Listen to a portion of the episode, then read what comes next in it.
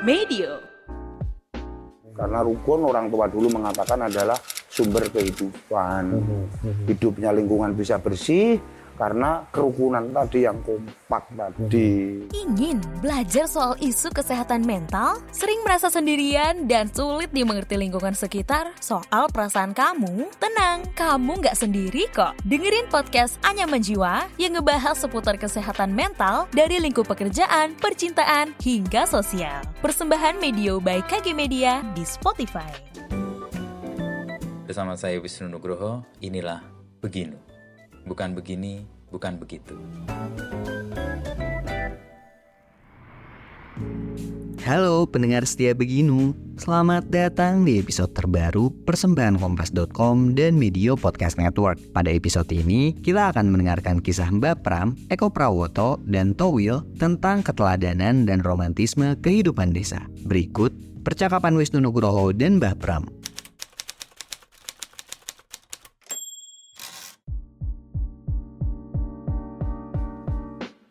Ini datang lagi nih mbah yang kedua saya. Ya, nggak Yang apa-apa. saya kagum sekali itu masuk sini tuh nggak nemu sampah.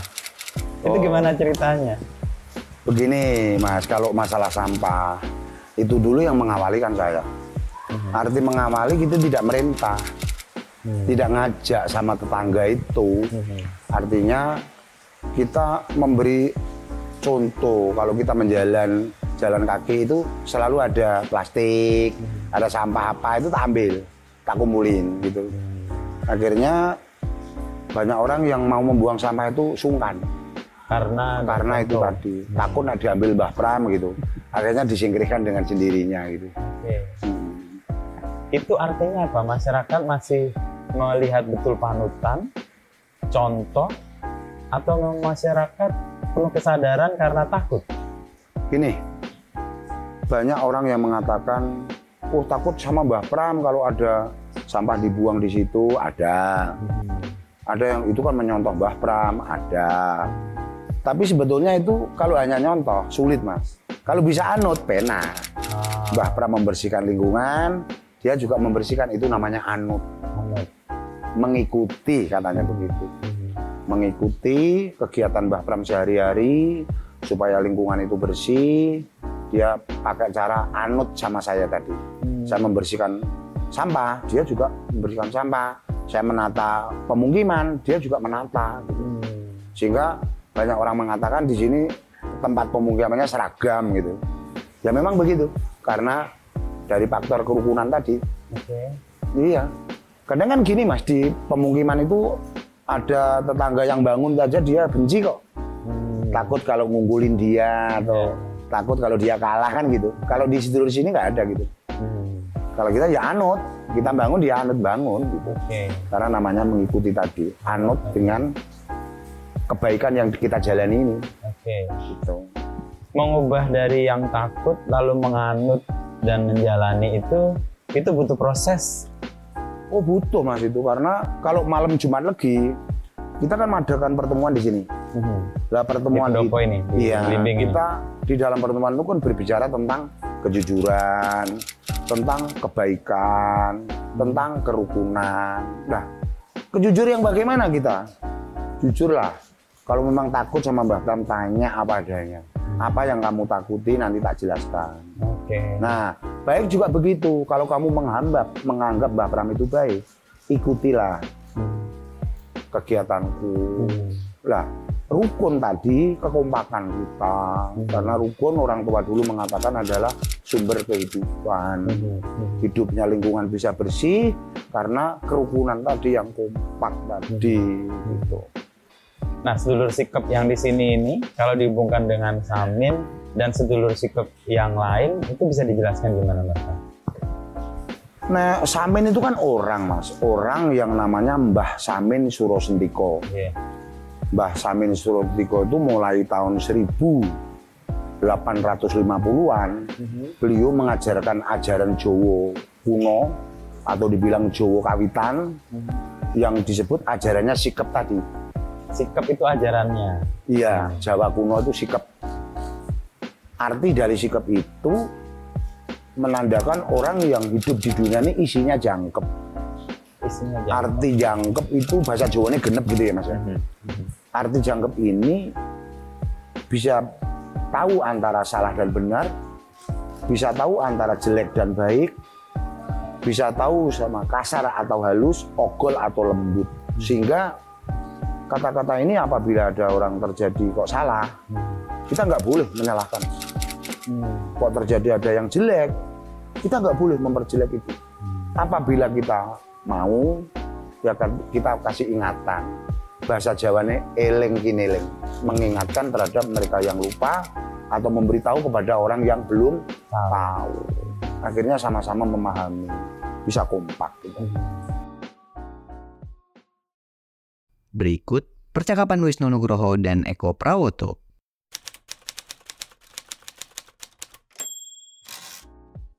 Selama tinggal di desa ini ada penemuan baru atau kecakapan baru yang Pak Eko dapat dengan relasi dan gaya hidup di desa ini untuk kepentingan arsitektural?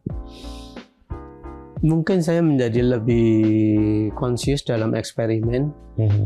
yaitu mencari a possible architecture, a rural architecture language gitu. Ah. Jadi mencari kemungkinan bagaimana berbahasa arsitektur Di, Di desa. Mhm. yang tidak mengikuti yang tadi istilahnya estetika urban industrial. Mhm. Menurut saya itu penting. Mhm. karena persepsi orang sebetulnya melihat desa itu sebagai belum kota sehingga harus dikotakan seolah-olah ada pemahaman bahwa kesejahteraan itu hanya ada di kota dan kalau desa ingin sejahtera dia harus menjadi kota saya agak menyaksikan itu Mhm. karena desa menurut saya memiliki hal-hal yang sudah baik jauh baik lebih baik dari yang di kota Mhm. dan tidak perlu menjadi kota atau Mhm. dipaksa menjadi kota. Sehingga untuk mencari ungkapan yang modern secara arsitektural mesti juga dicari apa yang khas desa. Mhm. Mhm. Jadi saya sering guyon mengatakan bentuk-bentuk ini adalah untuk merayakan kendesoan begitu. Mhm. Tapi itu ada nilai-nilai yang baru tentang itu ya. kenyamanan dan dan apa eh, kedekatan dengan alam Hmm. dan ya kalau orang mengkaitkan sekarang dengan green architecture atau green design dan makanya menurut saya saya saya merasa in line dengan itu Mhm. bahkan lebih maju. Mhm. Karena hidup dan merayakan kendesoan itu ya. Iya dan juga begini, ketika eh, di kota dipersepsikan misalnya green architecture atau green design itu pada batas dirinya sendiri, Mhm.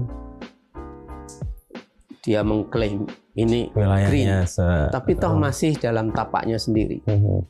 Nah, menurut saya the real green atau the real uh, sustainable architecture it should be part of the universe. Hmm. Jadi tidak tidak terkungkung di satu Uh, wilayah. tidak memisahkan diri Hmm. malah out of the grid sebenarnya ya gimana kalau semakin memisahkan kan semakin mengisolasi semakin tidak menyatu dengan Hmm. alamnya yang seperti itu Semakin nggak otentik sebenarnya. iya Dan desa itu melakukan itu dengan keluasannya itu ya. Iya secara sosial juga Hmm. secara network misalnya tukang tukang juga ngambil dari desa sini desa sekitarnya Ah, material juga oke. dari sekitarnya Mhm. dan semuanya juga ya yang yang punya gawe atau yang berkait dengan apa rangkaian produksinya ini semuanya gitu Mhm. Mhm. bukan cuma Cuman kita satu ya titik bukan gitu juga kita maunya ini gitu Mhm. Mhm. saya saya nggak bisa mengontrol semuanya Oke. dengan eh, tukang yang seperti ini dengan skill set yang seperti ini material yang seperti ini Mhm. ya itu bagian dari itu ketika ngobrol dengan tukangnya oke Gini. gini kan gitu tapi dia bilang oh ngeten mawon lah gitu, Kayaknya begini lebih oke. lebih oke ya sudah tuh gitu Itu kan berarti ada keinginan untuk atau kesadaran dalam diri untuk menurunkan ego juga ya, Pak Eko ya. Kan kita punya bayangan, ya. lalu menghadapi realita yang berbeda. ya kalau itu saya sudah ya agak agak lama saya merasa bahwa arsitektur hanya alat Mhm.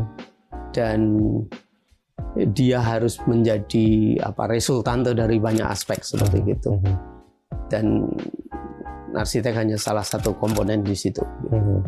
jadi tapi bukan berarti lalu tidak bertanggung jawab Oh, terhadap iya. hasil Iya, iya. tapi kita menyadari bahwa variabelnya banyak, Banyak seperti sekali. itu dan dan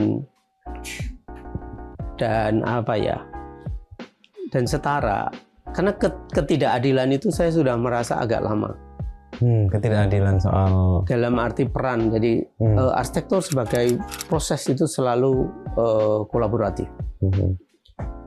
tapi kalau ada karya yang mendapat penghargaan arsiteknya padahal yang mendapat publikasi juga Hmm. arsitek nggak bisa mengerjakan dengan tangannya sendiri Mhm. Mhm. siapa yang berpeluh menggali dan mengangkat ini itu dan berpanas-panas terus Hmm. itu itu karya mereka sebetulnya Mhm. Mhm. Itu perasaan ketidakadilan yang lama dirasakan Iya. mereka jadi sekarang ya ya sudah karya bersama sehingga ketika dia ingin begini disuruh begini pengennya begini ya itu saya kira mengikuti itu mm, dia berhak ya menurut Mhm. saya Mhm. Mhm. artinya sama-sama memberikan yang terbaik menurut versi dia gitu Mhm. nggak apa-apa Berikut percakapan Wisnu Nugroho dan Towil.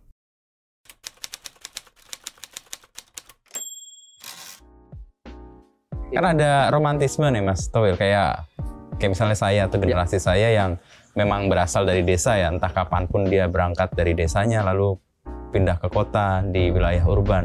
Tapi ada mimpi-mimpi kayak mimpi agraris sih pulang ke desa. Lalu ingin apa mengenang romantisme desa. Ya menurut Mas Towil itu romantisme yang cocok dengan wisata ini atau itu kan kayak cuman se- sebentar aja mereka mengalami atau harusnya gimana kalau Mas. Kalau harusnya harus terjun memang hidup di desa dulu, Hmm. baru menceritakannya apa kehidupan yang ada di kota. Hmm. Jadi pengalaman hidup di kota, eh pengalaman hidup di desa dibawa ke pengalaman hidup di kota. Hmm. Kemudian kembali ke desa toh, berarti pengalaman di kota kembalikan ke ke desa itu sendiri. Hmm. Jadi itu akan bisa merawat, akan bisa menjaganya karena sangat bertolak belakang loh kehidupan desa sama Dari kota. kota. Sangat berbeda banget. Hmm. Jangan bayangkan ini. Ini aja sepi kayak ini. Ini setiap hari seperti ini loh. Hmm. Jadi dibuat lambat, Hmm. dibuat Nah, lambat. beda banget sama kota. Kota kan wah rapet banget. kan. Kemrungsung ya, Kemrungsung. kemrungsung, rapet banget. Di sini bener-bener kayak ke Hmm. wis loh, lereno. Hmm. Nah, ini yang harus disampaikan bahwa kehidupan di desa ini perlu dirawat, dijaga. Hmm. Jadi artinya bahwa konsistensi, penerawat, juga melestarikan, tidak hanya merawat juga banyak hal ya. Hmm. Merawat itu juga bisa tanam menanam pohon-pohon, Ya, ya. buah-buah itu, kemudian juga sawah jangan dibangun rumah-rumah yang Rumah. permanen, kemudian seperti itu. loh. Jadi itu akan me- memperpanjang kelangsungan hidup Di desa. generasi berikutnya di desa. Dan kalau dari sisi ini sebenarnya kan ada pendapat ini yang tadi kita ngomongin soal desa wisata dan wisata desa. Oke. Menurut saya desa wisata itu term yang keliru karena membuat sesuatu menjadi tidak alamiah. Nah, itu itu kan. Padahal itu kan kayak upaya untuk membuat desa menjadi kayak kota. Ya. Padahal kan nggak gitu. Harusnya desa udah punya kekayaan luar biasa. Desa itu daya sudah hidup. punya punya apa artistik, sudah punya apanya Daya aura, hidup aura, yang daya lebih hidup lama yang ya. lebih lama. Lu kota. jangan bayangkan, dilihat aja pohon aja masih pohon Puluhan itu tahun. yang jangan lihat itu kan puluhan tahun berdiri, puluhan tahun tumbuh. Hmm. Nah itu jadi artinya bahwa oksigen yang ada di desa ini adalah memperpanjang kehidupan ini, Hmm. kehidupan kota. Kalau di kota-kotain, ya tadi ada penebangan, ada Sawah-sawah hilang. sawah-sawah hilang. Sebagainya. Itu itu merupa- merupakan sebuah mempercepat Hmm. apa ya, mempercepat sirnanya ya Desa-desa. desa-desa itu. dan mimpi desa Mimpi menjadi itu kota itu menurutku kota. keliru sih sebenarnya. Keliru. Desa udah benar dengan segala kekayaan dan Betul. kearifannya. ya. Jadi bagi masyarakat yang tinggal di desa, ayo jagalah desa itu sendiri. Jangan bermimpi untuk jadi Jangan bermimpi untuk menjadi kota. Karena orang kota aja pengen di desa kan. Karena orang kota ingin di desa. Terbukti loh ini. Hmm. Terbukti. Dari wisatawan-wisatawan itu. Jadi wisatawan wisatawan ini. Jadi akhirnya jadi jadi kemarin sudah saya bilang saya sudah punya pemikiran back to nature, back to nature. Hmm. Ini terjauh. Hmm. Kembali ke desa, kembali ke alam, kembali ke kehidupan yang realita. Dan wisatawan pasca pandemi kayaknya emang arahnya ke situ. Dan ini kayak Mas Toil dapat momentumnya lagi. Iya. Ketika tadi sabar 2 tahun nggak tadi zero gitu ya. Zero. terus ada godaan macem-macem. Tapi sekarang orang mau berwisata kan berpikir nih dekat dengan alam, merusak alam atau berbahaya buat kesehatan. Ternyata ini kan hal baik yang kemarin di pandemi diharapkan ada di sini wisata desa back to nature kan. Iya. Nah inilah sangat bersyukur banget ya. Jadi memang silih berganti. Pergantian ini adalah basicnya dari dari alam pedes, alam desa ya, alam yang masih fresh yang kan desa kan luas banget dan dengan berbagai macam potensi, berbagai macam dengan apa kehidupan, berbagai macam dengan sebuah cara pandang yang yang yang intinya adalah masih banyak kekayaan yang ada di wilayah desa itu sendiri. Gitu. Terima kasih telah mendengarkan podcast Beginu. Nantikan obrolan Wisnu Nugroho bersama narasumber inspiratif lainnya.